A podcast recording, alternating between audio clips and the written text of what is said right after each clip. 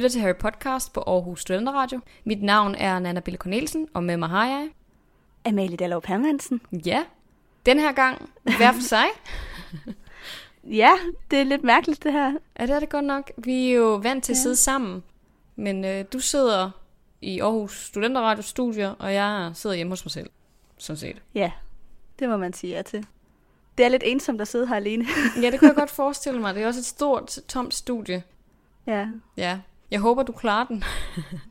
ja, ja, det gør jeg da. Men øh, jeg tænker, øh, skal vi lige starte med sådan at, at introducere sæson 2 i forhold til de små ændringer, vi har lavet fra Ja. sæson 1? Det synes jeg lyder som en rigtig god idé. Ja, altså vi fastholder resume og karakterafsnittet, og så udvider vi øh, den magiske verden til sådan ligesom at have flere temaer. Så der kan vi veksle mellem lidt forskellige ting, for så det ikke er så øh, fast fra gang til gang. Og så øh, fortsætter vi med fri leg, for det lytter jeg rigtig glad for. Det er vi og også. så har vi et nyt... Ja, det er vi også. Og så har vi et nyt segment, som hedder Meta, i stedet for øh, tema. Så det er det. Er det. Det er nemlig det, der sker. Og så har vi Ja. ja. fået en sådan lidt en overgangsjingle også. Ja, den glæder jeg mig faktisk til at sætte på, så de kan høre øh, sådan fra segment til segment. Du skulle næsten have lov til at gøre det nu.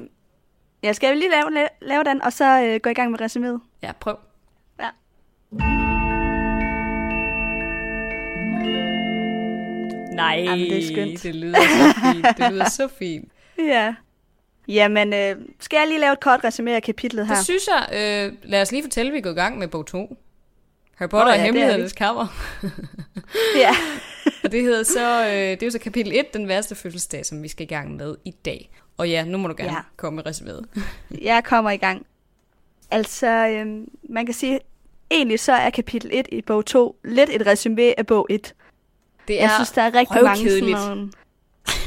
ja, der sker ikke så meget. Der er rigtig meget sådan... Øh, Harry har det på den og den måde, fordi han lige har kæmpet med Voldemort, eller sådan...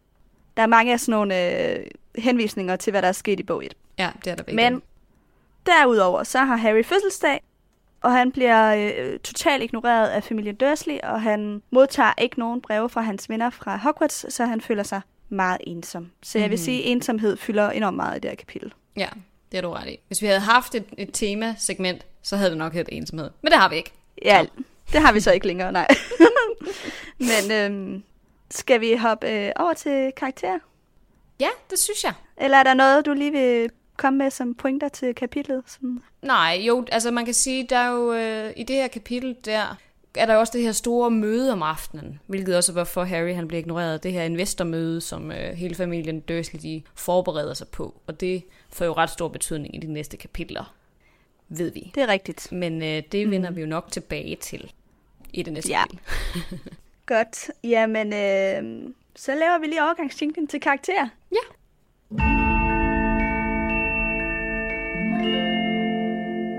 Ej, jeg er vild med det. Nå, hvem har du som karakter i dag, Nana? Jamen, øh, jeg har kigget på Harry, og så har jeg kigget Ja. lidt på familien Dursley som samlet enhed. Men dem har jeg ikke Ja. så meget til. Bare en lille snas. Nej, det er lidt det samme ved mig, faktisk. Jeg har mest om Harry også. Yes. Men øh, det kan være, at vi skal starte med ham så. Det synes jeg lyder som en rigtig god idé. Øhm, Ja. Som du har sagt, så starter de jo sådan set med at give et recap egentlig på alt det, der skete i sidste bog. Vi, altså for dem, der ikke har fulgt ordentligt med, da vi gennemgik hele første sæson, så kan man lige få en update på alt, hvad der skete i øh, ja, Harry Potter og de vise sten, ikke? Så det er... Jo. hvad er det? Bliver der brugt sådan 6-7 sider på det eller sådan noget? Men, Jo, ud af et kapitel på 10 sider. Ja, men, men fred være med det. Det, var, det synes jeg var Ja, ja, ja. lidt sjovt. Så synes jeg... Altså han jo, render jo rundt og er som emo, som du sagde, i, øh, i resuméet over, at der ikke er rigtig nogen, der skriver til ham, og han går og overvejer, om det overhovedet er sket, det her med Hogwarts, ikke? Men det, jeg synes var meget sjovt egentlig, var det her med, at der lidt var en ny magtdynamik i forhold til ham og familien Dursley. Ja. At han siger lidt mere igen, eller hvad tænker du på? Nej, faktisk Hvad ikke. tænker du? Nej. Jeg tænker mere i forhold til, at han kan tro det med magi nu. Nå, på den måde. Ja, det Ja. gør han jo. Det gør han nemlig. Han, han gør det jo mest over for Dudley. Og han gjorde det jo også, da han... Det kan jeg faktisk ikke engang huske. Har han ikke gjort det allerede? Har han ikke troet Dudley lidt der efter øhm, de var ude på øen i første kapitel? Der holdt hele familien Dursley sig jo væk fra ham og var sådan hed. Jo, det er rigtigt. Det gjorde han allerede i bog 1, faktisk. Ja, Men der havde han jo ikke nogen... Altså, der har han ikke rigtig lært noget nu. Altså, Nej. Nu, den her gang tror jeg, at Dudley har lidt mere respekt for ham, fordi han ved godt, at nu kan Harry faktisk noget magi, ikke? Jo, lige præcis, lige præcis. Så han, den, den starter egentlig allerede efter, at han får at vide, at han er en troldmand, fordi så får familien Dursley ligesom noget, noget frygt for ham, ikke? Men nu er den Jo. så udvidet, og han render rundt, og hvis han bare siger ordet magi, så flyner Vernon fuldstændig, og hele familien er ved at falde ned fra stolene og sådan noget. Dudley falder jo faktisk rent faktisk ned i sin stol. det Ja. er det, han spørger jamen, om. det er... jamen, jeg synes også, det er meget interessant, det her med det nye magtforhold, fordi jeg synes også, der er sket, altså, der er i det hele taget sket en udvikling i den relation, Harry har til familien Dursley. Mm-hmm. En ting er det her med, at de er bange for ham, men der er også sket det, at deres øh, vandrygt, eller øh, altså sådan Mishandling. tortur af Harry, har, ja, mishandling har fået et nyt plan nærmest. Altså fordi mm. nu begynder de bare sådan at ignorere ham. Ja. I stedet for at kalde ham alt muligt grimt, så ignorerer de ham i stedet. Og det virker på Harry, så, altså det virker som om, at det faktisk er hårdere for Harry at blive ignoreret. Ja, det tror jeg også, du har ret i. Det tror jeg helt sikkert. Ja, jeg synes i hvert fald, det var, det var meget interessant. Også, altså, ja, jeg ved faktisk ikke, om jeg har mere, jeg skulle sige til det her. Jeg synes, øh, noget jeg kom til at tænke over i det her kapitel, det er det her med, at Harry han har alligevel lidt et håb om, at de vil huske hans fødselsdag. Og det gør de så ikke. Man kan undre sig lidt over, hvorfor han overhovedet tror, de vil huske den, fordi det er han jo nok vant til, at de ikke gør. Men jeg ved ikke, det fik mig sådan til at tænke på det der med, at man kan have en dårlig relation til nogle mennesker, og så bliver man ved med at håbe, at den relation bliver forbedret. Men det ved man nok også godt, at den ikke gør. Det er bare et udtryk for en, endnu en skuffelse fra hans side, at han håber, og så bliver det håb brudt, Ja. det, hvis det giver mening. Det var lidt kringlet, den måde, jeg fik det sagt på, men, men det der, øh, kender du ikke det? At man har en, en relation, som man håber bliver forbedret, og så man ved godt et eller andet sted, at det bliver den ikke. Nej, det Om er det så er rigtigt. til familiemedlemmer, eller venner, eller hvem pokker det er, ikke? Altså, Jo, selvfølgelig. Han har bare oplevet det her igennem 11 år, så han burde vide, at det simpelthen ikke kommer til at ske. Han ved godt, at de, de, de fortsætter på den måde, som de nu gør. Altså man kan sige, Dudley husker jo faktisk hans fødselsdag. Han har jo den Ja. her interaktion med ham ude i haven, hvor han siger, Nå, jeg ved godt, hvorfor en dag det er, og jeg kan, kan, kan godt se, at du ikke har fået nogen fødselsdagskort og sådan noget. Og det er jo også det, der netop får, øhm, får Harry til at tro ham med abracadabra mm. og så videre, hvilket er meget, meget komisk. Men, men Dudley husker det jo faktisk. Jeg synes, det er sjovt med familien Dursley og Harry, fordi jeg føler egentlig, at Dudley og Harrys relation godt kan være sådan meget søskendeagtig på et eller andet punkt. Altså jeg ved godt, at, Ja. at Dudley er ondskabsfuld over for Harry, og Harry er så også ondskabsfuld tilbage. Kalder ham alle de her grimme ting, som vi er meget vant til. Men jeg synes, det virker mere naturligt, den måde, de interagerer med hinanden. Det synes jeg også, jeg har selv har oplevet. Ikke nødvendigvis søskende imellem, men altså sådan børn imellem. Det er sgu ikke så mærkeligt, Jo, vel? men det vil jeg... Nej, det vil jeg give dig ret i. Jeg synes, øh, det er Petunia og Vernon, der er værst over for Harry i det, Det her er nemlig kapitel. dem, det er nemlig dem, der egentlig er de værste, fordi at de burde vide bedre. De burde ikke behandle en dreng sådan. De giver ham ligesom nogle intentioner, pådutter ham noget, som han ikke er på en eller anden måde. Får mm. ham til at virke værre, eller have nogle, have nogle dårlige sider, som de, som de synes, ja. Altså han er for fanden, nu er han 12 år, nu er han jo ikke 11, det kan vi ikke sige længere. Nej, Men, men de behandler ham, som om han er kriminel, eller psykisk syg, eller sådan et eller andet. Og det er det, der er så fucked. ja, det er virkelig et i det hele taget meget øh, skørt relation, de har. Ja, det er Øhm, det virkelig. Ja, Men jeg har ikke så meget mere. Har du det? Nej, altså jeg har en lille smule til, øhm, til Dudley, udover det her. Ja. Han bliver jo fatshamed stadigvæk helt vildt meget i det her kapitel. Ja, det kan jo ikke rigtig komme som nogen overraskelse for nogen. Men der var et, øh, et tidspunkt, hvor jeg faktisk synes, det var sådan lidt komisk. Det næsten lyder som, øhm, hvad hedder det, som en your, ma- your mama's so fat joke. Nemlig den her, Ja. hvor der står, Dudley, der var så tyk, at hans bagdel hang ud over stolesædet på begge sider. Your mama's so fat that her butt is over the sides of the chair. Altså sådan, ikke? Ja, ja. Det er sådan jo. vir- virkelig overdrevet. Og sådan kommer det med, med alle dem her. Han kommer vraltende rundt, og ah, men, han lyder som sådan en lille fedebær. Ja, ja, det er de der typiske fat-shaming jokes, som, øh, som man i samfundet synes er i orden, men som virkelig ikke er i orden. Altså, Mm, der er bare så mange af dem. Der er så mange af dem. ja, der er virkelig mange af dem. Jeg tror, det var en lytter, der skrev det til os, men at, altså, er det i virkeligheden Harry, der fatshamer, eller er det J.K. Rowling, der fatshamer, ikke? Det synes jeg er lidt interessant, fordi jeg vil nødig kritisere J.K. Rowling, men Jeg ved ikke, om det, om det er hende, der har de her holdninger. Det eller tror om det jeg er ikke, Harry, det er. der bare er usympatisk. Det tror jeg ikke, det er. Altså igen, man skal selvfølgelig tage med ind, at den her bog er skrevet i slutningen af 90'erne. Så på det tidspunkt har hele den her øh, fat-shaming-kampagne ikke været noget, man talte om, vel? Men jeg tror også, igen, det er for ligesom at, at vise os, Harry er altså ikke særlig sympatisk nødvendigvis. Mm. Han er, altså 12-årige ja. drenge synes, at øh, det, så finder man et eller andet ved en anden person, hvis man ikke kan lide dem, som man så kan kritisere. Og fordi Dudley er tyk, er det nemt at, at fokusere på det, ikke? Hvis han havde Jo, jo. været øh, virkelig grim, eller haft briller, eller der var et eller andet særligt ved ham, så, eller hvis han bare havde været sådan mega plain, så kan det jo være, at han havde sagt, at han var en plain Jane, det ved jeg ikke. Men altså, du ved, Ja, ja. Man, man fokuserer ligesom på et eller andet, der er nemt. Og det er nemt ja. ja. at fokusere på, at han er tyk. Der var en anden, som også var lidt sjov. Eller, det er jo ikke sjovt. Men øhm, Dudley hankede op i sine bukser, der havde det med at glide ned over hans tykke bagdel. Eller ja, det er også lidt unødvendigt af Harry at kommentere på, ikke? Jo. Og Dudley tumlede øjeblikkeligt et par skridt til baglæns med et slagent udtryk i sit budingefjes. Altså, han har et bud. For fanden altså. Kom nu.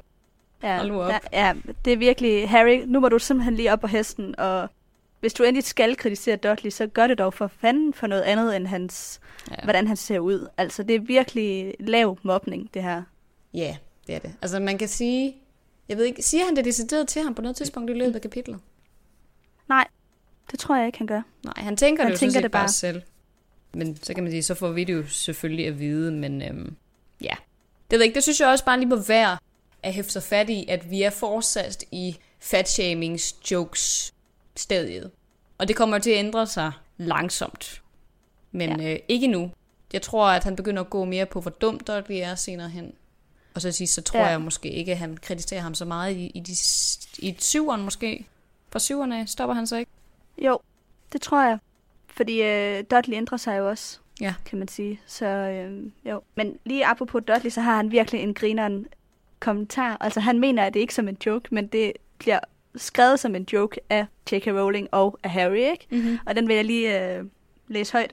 Det er Jo. fordi, at de forbereder sig på det her møde med herre og fru Mason, og så øh, siger, har Dudley øvet sig på en replik, han kan sige. Og den er, i skolen skulle vi forleden skrive en stil om vores held, herr Mason, og jeg skrev om dem.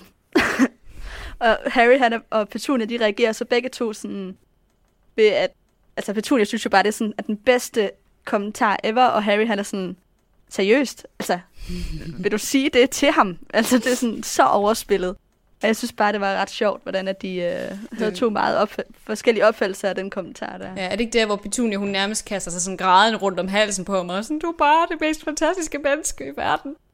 Altså om Dudley, lige ikke? Præcis. Det er bare Jo, jo, jo. så grineren. Det er så grineren. Den familie er bare komisk. Jeg havde faktisk også noget, noget andet egentlig i forhold til, øh, til Harry og, og familien Dursley. Ja. Vernon han siger jo, at han gerne vil have hvad hedder det, købt en ferielejlighed på Mallorca. For de Ja. her penge, hvis det er, at de får den her store, øh, hvad kan man kalde det, forhandling ordnet med de her drillbord. Det er jo derfor, at de inviterer familien Mason hjem til middag, fordi at øh, de skal ordne den her handel, ikke? Jo. Og så skal de købe sig den her skide ferielejlighed.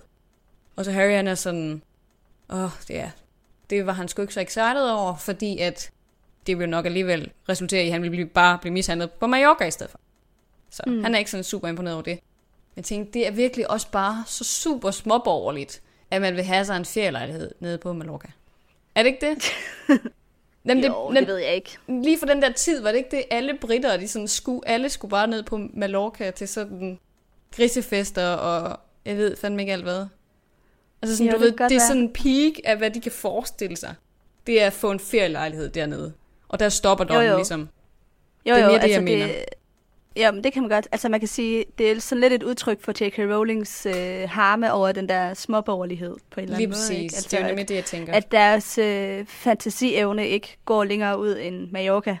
Øh, Nemlig. ikke fordi der er noget i vejen med det, men hun ville nok have foretrukket, at man tog til Asien eller et eller andet sted, hvor man virkelig blev udfordret, hvor at, altså, det er ikke det, familien Dursley har lyst til. Nej, det er nemlig det.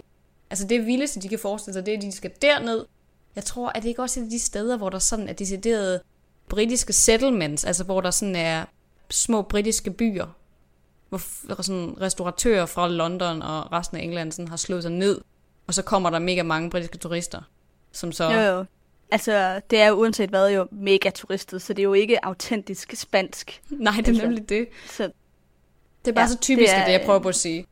Det er virkelig bare ja, ja. en kommentar på ja, de her forstadsmennesker, at det vildeste, det er den her lejlighed nede på Mallorca, ikke? Eller Villa, eller Jo, hvad jo. det bliver.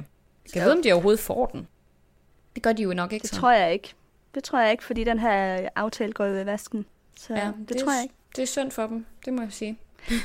Øh, Jamen, øh, så tror jeg ikke, der er så meget mere at sige til karaktererne. Så skal vi ikke hoppe videre Nej. til den magiske verden lad os gøre det.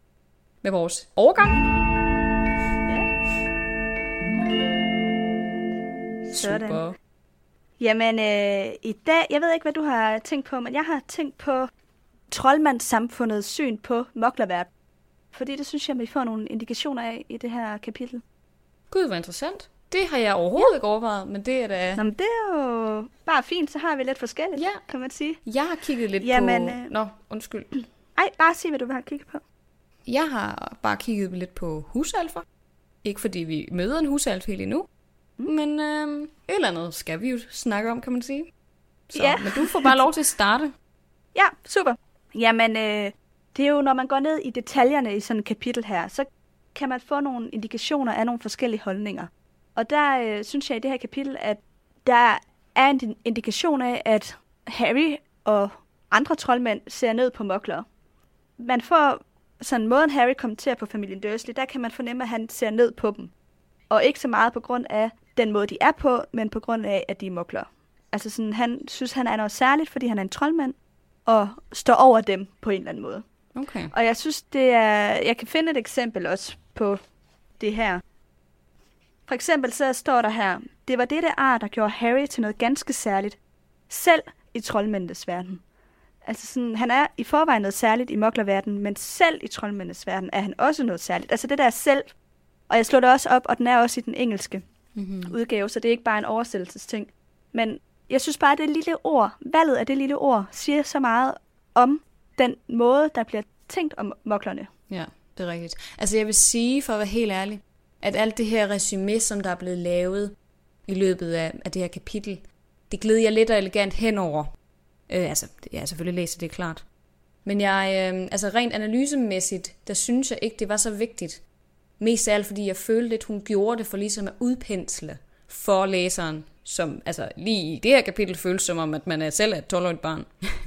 Mm. for ligesom Ja, ja, at sige, nu skal jeg virkelig bare lige forklare dig, hvorfor Harry Potter han bare er fantastisk, og hvorfor han er noget særligt, og hvorfor det er så synd for ham.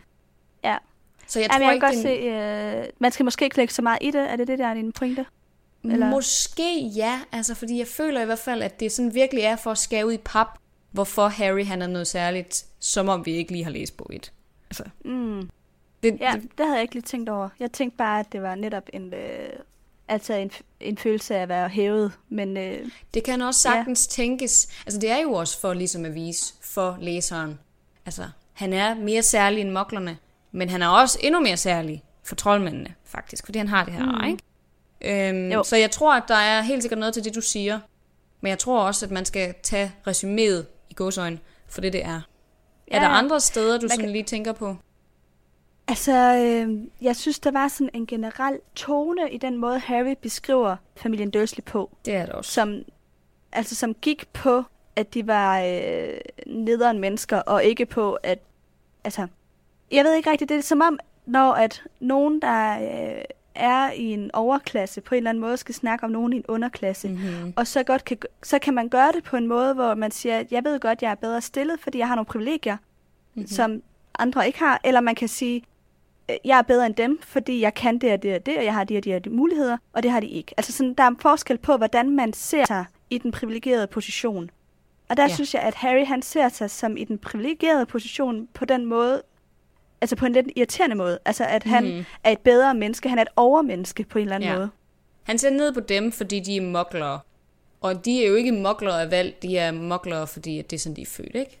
Præcis. Altså det, nu skal, jeg, skal vi lige passe på også at, at kalde ham for alt muligt, han ikke er, men, men det er sådan lidt racistisk, vil jeg næsten våge at kalde det, den måde, han ser på moklerne. Der er i hvert fald en altså- negativ diskurs, ikke? At det vi godt kan etablere. Ja. I hvert fald over Øh. for familien Dursley. Ja, og, og man kan sige, det er ikke sikkert, at han har det sådan med alle mokler, fordi det kan op være et, øh, et billede af, at han bare er, har et dårligt forhold til familien Dursley. Altså, det. så det er ikke sikkert, at han vil beskrive de andre mokler i det her univers som nederen. Det er bare mest familien Dursley, vi hører ham beskrive. Det er det. Jeg tror faktisk ærligt talt ikke, at vi, øh, at vi ser ham interagere med nogle andre moklere. Nej. Så er det max det... nogle af dem, som han, han møder her i de første bøger, mens han er på sommerferie. Og der er, der er egentlig mest de interaktioner mellem Harry og, hvad hedder det, troldmænd, vi får at høre. Mm. Eller Harry og Dudleys venner. Dem får vi jo også øh, høre lidt om senere. Ja. Men de er jo også nogle nederen mennesker. Så. Ja, ja. Ja, ja, det er jo det. Og det, og, så, og det er egentlig også bare for at undskylde Harry lidt. Jeg siger det her nu, fordi nu har jeg lige kaldt ham racist. At måske er det i virkeligheden bare fordi, at han har mødt nogle nederen moklere, at han tænker ja. dårligt om moklere. Og, og ikke, at han tænker dårligt om alle moklere. Det er rigtigt nok. Altså det, igen, det er måske ikke så meget racisme, som det er en klasse ting. Øh, vi skal sige det som. Som om, at han tilhører ja. aristokratet, og så er de øh, proletarer, eller sådan noget den retning, ikke? Ja. Og så føler han sig mere hævet. Men ja, altså jeg, det er jo lidt svært at vurdere, som du siger, hvis han ikke har interageret med andre moklere, og vi ikke ser de det der det. interaktioner. Men det og er jeg synes også, det er, ja, præcis. Og jeg synes også, at det er en fornemmelse, jeg synes, man får, når man læser kapitlet. Så jeg vil gerne anbefale dem, der lytter med, om at lige at prøve at læse kapitlet, for, og så se, har man, altså er det den samme fornemmelse, I får, eller mm. er det bare mig, der sidder og får den fornemmelse, ikke? Altså mm. sådan, Jamen, jeg synes, jeg synes også, det er lidt underliggende. Havde, han synes, jeg synes også, han havde en tone. Sådan en, ja. en lidt, øh, sådan lidt en træls tone. Så jeg tror godt, jeg kan, kan ikke genkende til det, du siger. I en eller anden grad ja. i hvert fald. Har du ellers andet at sige til, øh, til det her? Nej, jeg synes, jeg vil gerne høre, hvad du har. ja, har du noget at sige for dig selv? Nej. Jamen, øh, jo, jamen, så vil jeg gerne snakke lidt om husalfa. Vi møder jo ikke decideret en husalf endnu som sådan. Øh, vi får lige øjne, eller øje på et par øjne. ja. Men det er sådan set også det ikke. Øhm, jeg kan da lige prøve at se, om jeg kan finde det sted i bogen, hvor det sker. Mm. Jeg synes faktisk også, at det var en meget komisk måde, nemlig fordi han sidder og tænker på Voldemort. Han siger nemlig, selv nu, mange uger senere, kunne Harry vågne svedende op midt om natten og give sig til at spekulere over, hvor Voldemort befandt sig nu. Han kunne stadig se hans leblege fjes for sig, hans store, vanvittige øjne. Nu rettede Harry sig op på havebænken. Han havde siddet tilbagelænet og stirret øh, åndsfraværende ind i hækken, og hækken stirrede tilbage på ham. To enorme grønne øjne var kommet til syne mellem bladene. Bare det der sådan med, at Voldemort skulle have sådan nogle kæmpe store, sindssyge øjne. Det synes jeg bare ja. var så grineren, fordi også da jeg læste, så havde jeg tænkt, Voldemort har sgu da ikke store, runde øjne. Hvad fanden Nej, snakker du om små her? røde øjne. Ja, lige præcis, så det synes jeg bare var så komisk. Ja. Uh, men det er ligesom vores første intro til husalfer af de her kæmpe øjne. Dobby ja. store grønne øjne. Og så har jeg jo selvfølgelig researchet lidt. Fordi vi får jo ikke så meget at vide i det her kapitel endnu. Men husalfer, de er, hvad man klassificerer som beings, så de er sådan en slags menneskelignende væsener. De hører altså ind under samme kategori som, øh, som alle former for mennesker, altså både troldmænd, mokler, squibs osv. Kæmper, nisser, vampyrer, troldkællinger, vila og vareulve de er så alle sammen beings. Og det kræver, at man har en vis intelligens og ligesom kan forstå, hvordan reglerne fungerer i troldmandsverdenen. De her kæmpe store æderkopper, sfinkser og manticore, de burde egentlig også høre ind under den her kategori, fordi de er meget, øh, fordi de er meget intelligente. Men eftersom de er så voldelige, så får de ikke lov til at være med. Fordi de myrder mennesker. Så det synes jeg var mm. meget sjovt. Ja. Men så tilbage til de her kære husalfer. De har jo øh, store hoveder, lange næser og fingre. De er ret lavstammede. Og så har de de her store udstående øjne. Jeg tror, Harry senere siger, at de ligner tennisbolde. Ja. Øhm, og så er de typisk skaldede. Så egentlig så ligner de næsten ret meget. ja. Når man sådan lige hører beskrivelsen, ikke? Jo jo, at det er sådan mest næsen, altså som nisserne har, som husalferne ikke har. Ja, og de har... den der lange, krogede næse. Ja, lige præcis. Altså sådan husalfer lidt en cute version af nisser, på en eller anden måde, ikke? Det er rigtigt, det er de. Men de render ikke rundt med økser og sådan noget heller. Man kan sige, at en af forskellene er også, at nisser, de synes jo, at de er øh, altså en særlig øh, race, eller hvad man skal sige. De, de mm-hmm. ser jo sig selv som noget helt særligt, hvor at husalfer, mm-hmm. de ser jo sig selv som måske lidt underlegnende mennesker, ikke? Jo, det gør de helt sikkert, det gør de helt sikkert. Altså de er også lidt, hvad man kunne kalde måske et tjenestevæsen. De er meget sådan lojale over for en specifik troldmand eller en troldmandsfamilie knytter sig til dem. Og så har de jo den her ting med, at de skal adlyde. Hvis ja. de ikke adlyder de her ordre, som de får, uanset hvad det er, så skal de straffe sig selv for det. Så de kommer typisk ud i sådan lidt nogle slavelignende forhold. Og noget andet, der også er værd at notere sig ved de her husalfer, er selvfølgelig, at de kan noget helt særligt med magi, som troldmand ikke kan. For eksempel ja. kan de lave det her apparition, eller spek- spektral transferens. Jeg hader at sige det på dansk. Det er simpelthen det mest redselsfulde udtryk slash oversættelse, jeg nogensinde har været ude for. Det er det der spek- spektral transferens, er sådan man siger det. Ja. Det er så irriterende. Men ja, det er meget interessant. Øh, og de kan jo så blive fri for de her troldmandsfamilier, hvis de får et stykke tøj. Det finder vi også ud af senere i den her bog, kan man sige. Det var sådan set det, jeg havde til husalfer. Ja. Jamen, øh, skal vi gå videre til fri lejser? Det synes jeg.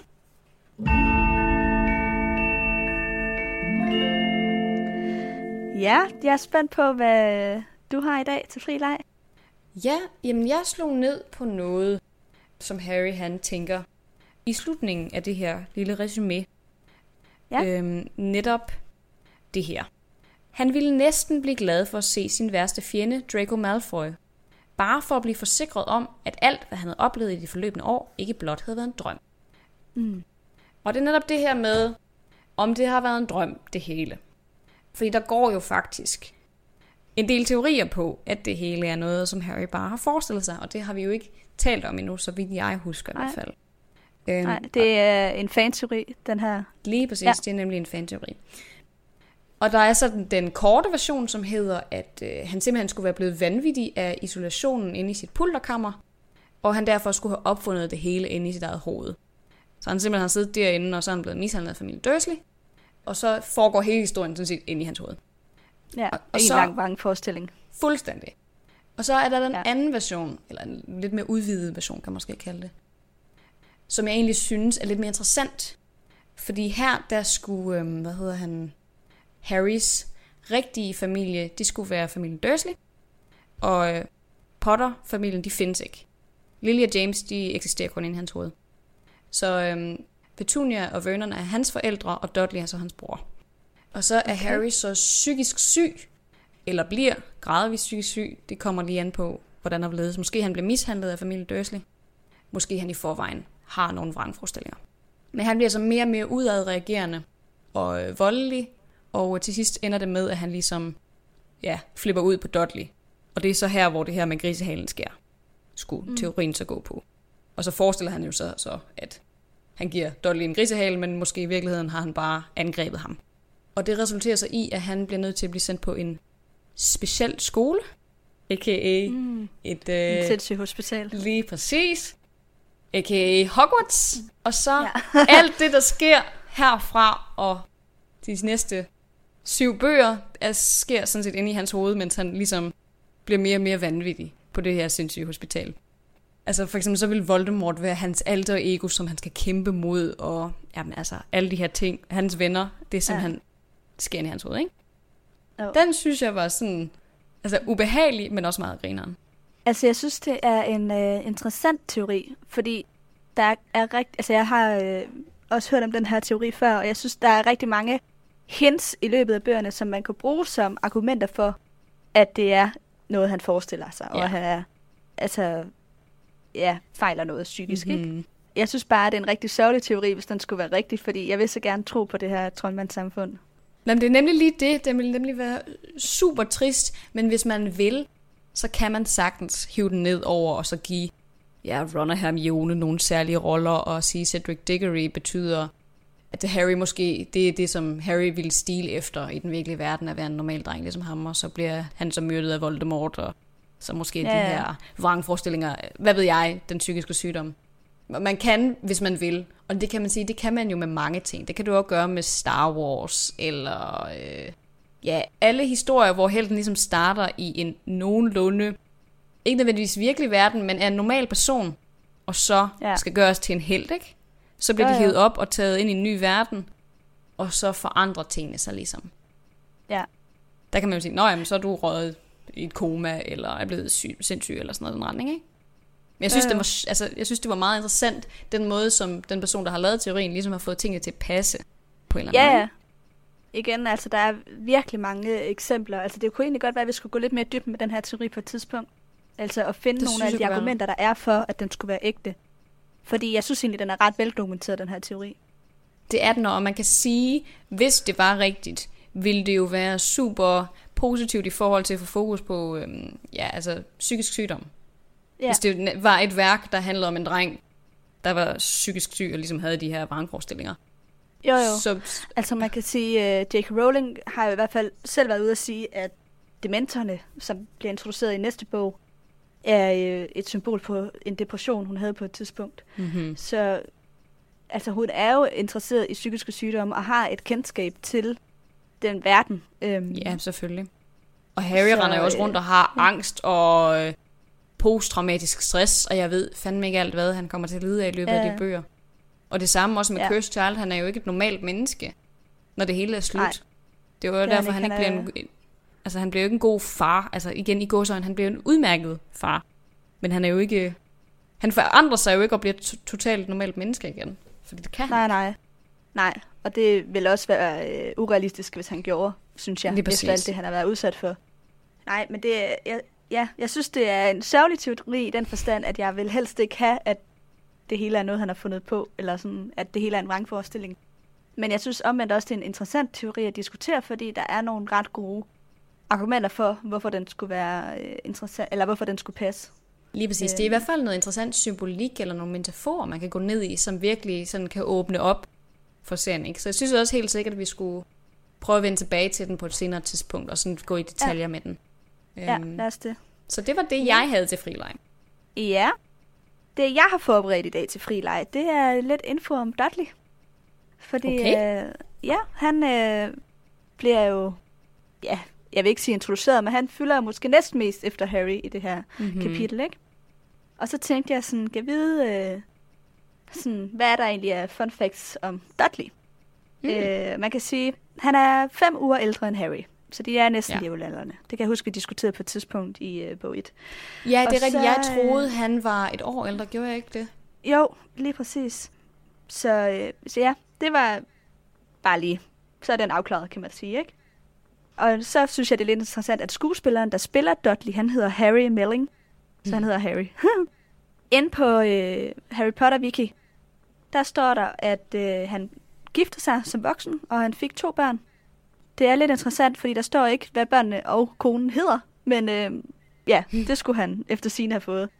Begge børn blev mokler, selvom at J.K. Rowling havde overvejet at lade et af børnene få magiske evner, sådan at det skulle introduceres i øh, det sidste kapitel i syveren. Mm. Altså hun havde overvejet at lave den der øh, perron lige til kvart scene, hvor at Harry skulle hjælpe Dudley og Dudleys ene barn med at komme ind på perronen og altså introducere dem til troldmandsverdenen. Mm. På et eller andet punkt tror jeg faktisk også, det havde gavnet den scene, fordi der er jo ikke rigtig nogen, der er særlig vilde med epilogen. Altså, Nej. Det er, jo- den er sådan lidt... Den er lidt vag. Den er lidt vag. Ja, ja, det er den godt nok. Altså, den, serien havde måske næsten været bedre for uden, ikke? Og især med de der sygt kiksede navne. Men det havde da, på et eller andet punkt, så kunne jeg ville egentlig godt kunne have lide, at der havde sådan været full circle, ikke? Med at så Dudley, han havde accepteret Harry, og så fik han selv et barn, der var heks eller troldmand, ikke? Det, det, Jo, det, det tror jeg faktisk havde tiltalt mig ret meget. Det havde været en ja. god måde at slutte det på. Jeg synes også, det havde ligesom bygget en rigtig fin bro mellem Harry og Dudley, hvis det var sket.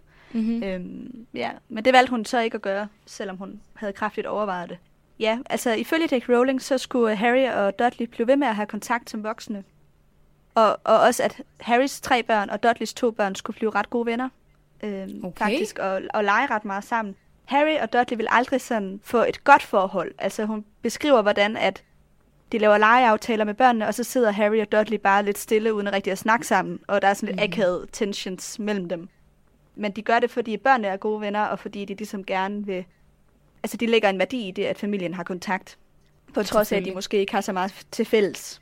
Mm-hmm. Øhm, Man kan sige, det er jo heller ikke så mærkeligt, at de ikke har så meget at tale om, fordi der er alligevel, altså alt det, der er sket alle de år, den Ja. måde Dudleys forældre har behandlet Harry på, og altså den måde Dudley har behandlet Harry på, og omvendt, det ja. ja. giver ligesom nogle, nogle, øh, nogle sår i sådan et i sådan et forhold, ikke? Så det kan man jo ikke bare lægge fra sig. Men det faktum, at de overhovedet kan finde ud af at være sammen, Ja, det er, er virkelig positivt. Det vil jeg Ja. sige. Det, øh, det er jeg glad for, at der på en eller anden måde er en, ja, en, en, en afslutning, ikke? Jo, At tingene lykkes men også at det er realistisk. Altså det er ikke fordi, de lige pludselig bliver best friends, eller sådan. Nej. men at de har et tåleligt forhold. Mm-hmm. Jeg synes, noget af det allersødeste i hele den her serie, det er der i syveren, hvor Dudley han stiller tekoppen ud foran Harrys dør. Og Harry så Ja. træder ned i den og er sådan, "Ah, har du lagt en fælde for mig? Eller hvorfor fanden står der sådan en kop med kold te herude? Det giver ikke nogen mening.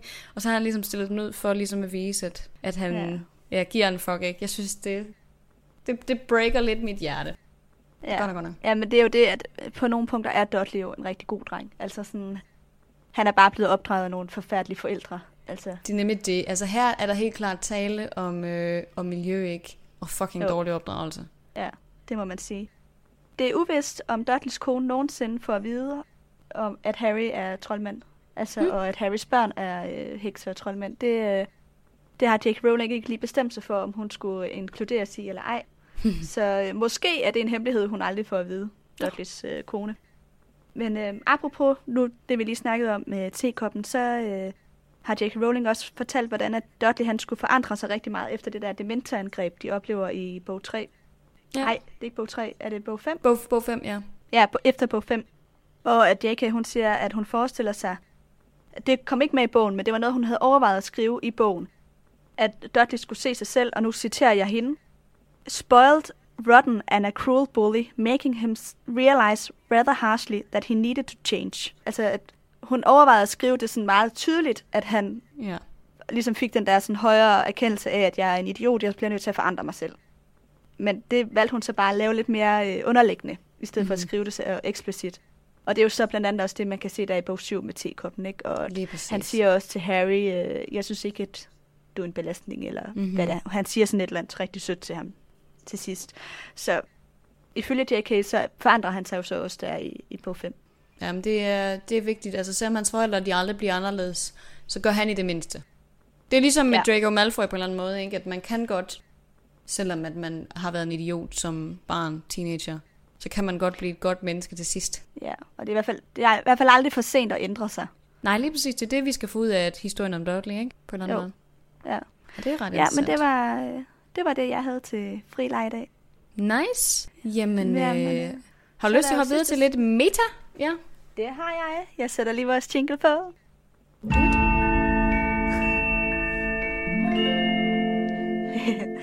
Jamen, øh, til meta i dag, Mm-hmm. der har jeg øh, undersøgt lidt om J.K.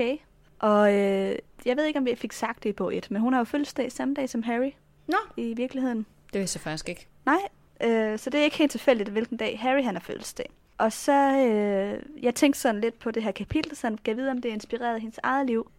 Og der fandt jeg så ud af, at hun er blevet øh, drillet i skolen. Mm-hmm. Og et af de øh, øh, mål, hun havde med Harry Potter-serien, det var også at give en trøst til børn, der ikke har haft så nem en opvækst, faktisk. Altså, om det så er øh, dårlige forældre, eller om det er, er, har været en hård skolegang, eller altså hvad det har været, så ligesom give en, en trøst i, at her er der en verden, hvor at det heller ikke går godt altid for vores hovedperson. Der var et eksempel, jeg fandt et brev inde på øh, The Daily Mail, som er den her engelske avis, Mm-hmm. hvor at en øh, pige havde øh, skrevet til J.K. om, hvordan at hendes forældre havde været øh, narkomaner og altså Damn. forfærdelige, øh, forfærdelige mennesker og var døde, inden hun var blevet fyldt 13, så efter hun fyldte 13, kom hun på børnehjem og sådan noget. Og det var en helt forfærdelig historie, men hun takkede bare J.K. Rowling om, hvordan, hvor, altså, den betydning Harry Potter har haft for hende i hendes liv, fordi at det har været en kæmpe trøst for hende at drømme sig ind i det her univers og øh, læse om Harry, der også er forældreløs og vokset op med nogle forfærdelige øh, plejeforældre, ikke? Og altså sådan, hun kunne bare se sig selv så meget i Harry, og det synes jeg var meget, meget smukt. Og også at øh, læse nogle af de sådan, måder, J.K. så havde svaret hende på, som netop var, at det var det, der var pointen med bøgerne. Altså, at vi skal som læsere kunne få en trøst gennem det. Ja. Så faktisk lidt Ja. en terapibog, hvis man kan sige det sådan. Det kan man godt sige, ja. Ja. Øh, og også fordi, at J.K. selv er blevet mobbet rigtig meget af skolen. Mm. Ja, det er måske ja. også derfor, at de er så universelt elskede, fordi de fleste på et eller andet tidspunkt i deres liv, eller på en eller anden måde i hvert fald, oplever noget negativt. Om det så er en forælder, der dør, eller mobning, eller stoffer, eller hvad fanden ved jeg. Altså, de fleste skal nok komme ud for et eller andet super ubehageligt, som gør, at, ja, at de kan relatere sig til det her, ikke? Det havde, det havde været en anden serie, hvis han havde været en privilegeret Draco Malfoy. Det havde det godt nok. Jamen, så tror jeg slet ikke, at... Altså, så tror jeg heller ikke, at jeg var blevet fanget. Eller sådan, jeg tror netop, at det er den der identifikation, jeg har med, med egentlig vores alle tre hovedkarakterer på hver sin måde. Jeg synes, man kan se sig selv i dem. Ja. Som, og, altså, det er det, der gør, at jeg, jeg synes, de er interessante. Helt sikkert, helt sikkert.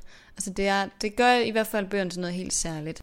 Og det er, det er da godt at vide, det er det, der har været ens intention, fordi det har virket. Det har det helt sikkert. Ja, Også ja, det for mig personligt. Det. Og det er godt nok interessant at høre, synes jeg. Ja. Har du øh, noget til meta, eller? Ja, det har jeg. Jeg har en lille ting i forhold til det her med abracadabra. Fordi at ja. øh, det siger Harry jo til Dudley på et tidspunkt. Øh, jeg ved ikke helt, om jeg vil gemme den, eller om du har noget til citat. Det har jeg ikke. Okay, så altså, gemmer vi lige. Citat. Nej, så gemmer vi øh, den til citat tid, okay. I guess, med at sige det hele. Men øh, det er jo fordi, Avada Kedavra stommer jo sjovt nok fra Abracadabra. Det kan ikke rigtig øh, komme som en overraskelse for nogen, fordi nu ligger de to ord så tæt op ad hinanden, ikke? Jo. Øhm, og det har J.K. Rowling også bekræftet, at inspirationen kommer fra Abracadabra. Og ifølge ja. hende, der skulle ordet stamme fra det sprog, der hedder aramæisk, og betyde let the thing be destroyed. Det er ikke ah. sikkert, at det passer, altså abracadabra. Kilden er uvis. Der er flere, flere sprog, det kunne stamme fra. Man ved ikke hvad. Men det er en, øh, en besværgelse, som øhm, ligesom, det var sådan en helingsbesværgelse. Det, der bliver ødelagt, er sygdom. Så du siger ligesom abracadabra, og så skulle, det ved jeg ikke, byllepest, eller hvad fanden det er, du har. Ah. Det skulle forsvinde, hvis du siger det. Og så har hun ja. så valgt at tage den her abracadabra-besværgelse, og så vende den på hovedet, og så lade den ting, man ødelægger, i stedet for at være den person, der står over for en. Ah. Det er ligesom hendes tanke. Ja, så det er, det er meget interessant. Så er der så en teori, der er nogen, der har bygget videre på det her med abracadabra og Avada Kedavra. Netop at øh, grunden til, at øh, det her nonsens abracadabra, det lever videre i moklernes verden, og også at Harry han siger det til, til Dudley, det er fordi, at det er et levn fra fortiden. Altså simpelthen fra tiden inden moklerverdenen og den magiske verden, de blev splittet op, inden de havde den her store øh, slåskamp. Jeg, jeg ved ja. ikke, øh, det her store Great slag. Wizard War, ja. Lige præcis, og den skal vi også have diskuteret på et eller andet tidspunkt. Vi skal have taget et, øh, en minisode om magiens historie, fordi at der er simpelthen så meget, som ja. jeg ikke ved om det. Men det, det var så her efter, øhm, efter det her store wiz, eller de her Wizarding Wars, at den her Statute of Secrecy, den blev oprettet i 1692, og at øh, troldmandsverdenen ligesom trak sig væk fra moklerverdenen. Og så har man så teoriseret om, at abracadabra ligesom er en måde at gøre nar af Avada Kedavra. Altså mokler, der sådan har rendt rundt og sådan, sådan tauntet lidt øh, ah. øh, troldmændene, var sådan, haha, abracadabra, sådan taget lidt pis på dem med det der, det der dræberforband, de har, fordi nu havde de pistoler, så der var ikke nogen grund til, at Avada Kedavra skulle virke på dem længere. Fordi Nej. skydevåben trumfer altså dræberforbandet. Ja, okay, på den måde. Ja. Ja, så det har været moklernes måde at, at hævne sig lidt ved at lave grin med dem. Ja, Eller lige sådan, præcis. Ja. Det var i hvert fald argumentet, og på et eller andet punkt, så synes jeg, at det er sådan... Altså, jeg kan godt lide det der med, at den ligesom... At abracadabra er ligesom har forandret sig, og så er egentlig fortsat blevet i moklerverdenen, selvom moklerne har glemt, at troldmændene findes. Ja. På en eller anden måde, ikke? Ja, det synes jeg var det er meget fra den gang. Ej, det er meget interessant, faktisk. Ja, ikke? Og altså, altså også, at, øh, at det så er derfor, vi skulle sige det i dag, ikke? Eller sådan, hvis vi nu forestiller mm. os, at det her det er ægte historie, men at ja. det er derfor, det eksisterer stadigvæk, ikke? Jo, lige præcis, lige præcis. Ja. Øhm, så det var, det var meget interessant. Men det var sådan cirka det, jeg havde til meta. Ja, jamen, øh, så er det jo øh, citattid. Ja, lige præcis. Så vil jeg jo komme med det, som jeg gemte. Og der var jo ikke sådan vanvittigt meget spændende i det her kapitel. Altså desværre, kan man sige. Mm, altså, det, det var jo fint nok. Det var ikke et dårligt kapitel, men bare lidt et kedeligt kapitel. Mm. Øhm, så derfor får vi lidt den her, for den er lidt sjov, synes jeg. Det er Harry, der siger det her til Dudley. Fiddly foot og trudelut, sagde Harry med en høj stemme. Abra, kadabra, kadasser. Giv ham, så hatten passer. Og så hyler Dudley så, mor, Ja, og løber ind i huset. Det synes jeg bare er så sjovt. ja Øhm, det er det også. Ja, jamen, øhm, så kan det være, at vi lige skal slutte af med at lave lidt reklame for den Ja. 25. det synes Der jeg skal jo, ja, hvis man har følger vores Facebook-side, så ved man det allerede, men den 25. i 8. der øh, laver vi jo et live show her i Aarhus, øh, nede i øh, Midtbyen. Det bliver nede i Mølleparken på Aarhus Studenteradio Scene i forbindelse med festugen. Der kommer vi klokken 4 om eftermiddagen. Det er en fredag. Og øh, snakker lidt om et emne. Jeg ved ikke, om vi skal sige, hvad vi vil snakke om, eller om det skal være en surprise. Altså, vi har egentlig allerede bestemt os. Det bliver ikke et kapitel, fordi det synes vi var for åndssvagt. Så det bliver en, øh, en minisode i stedet for. Men det kan godt Ja. være, at vi skal sådan gemme emnet. Det tror jeg, vi gør. Gør vi ikke det? Ja, jo, vi gemmer emnet. øh, så hvis I har lyst til at komme og høre os og møde os og måske drikke en øl bagefter, så kunne det være mega hyggeligt. Vi vil i hvert fald rigtig gerne sige hej til jer lyttere. ja. Møde jer så face vil- to face. Så vil vi også blive glade for ikke at stå foran en helt tom plads. Ja, Egentlig også. også det. Ej, jeg har bare sådan en indre frygt for, at, det var, at vi kommer, og der bare ikke er nogen mennesker. Og ja. så Der kommer vi den der sådan- cikadelyd, ikke? Som man sådan Jo. typisk hører. Ja. Ej, puh. Ja, den der sådan uh, halmkvist over øh, ørkenen, ikke? Ja, Sådan, ja. Bare lige sådan helt øde. Vindhæks. Lige Ja. præcis. Ej, puha. Ej, det må bare ikke ske. Ej, altså please, kom og støtte op om os. Det Ja. vil vi i hvert fald blive glade for. Det vil være rigtig, Øhm, rigtig dejligt. Og så lover vi til gengæld at lave et rigtig fedt øh, live show. Det bliver cirka en time, så der kommer også til at ske lidt, vil jeg sige. Ja, lige præcis. Ja. Godt, jamen øh, så er det vel bare at sige tak for det, Amalie. Ja, tak for dagen, Anna. Det øh, var hyggeligt og dejligt Ja. at se dig igen. Og I lige måde.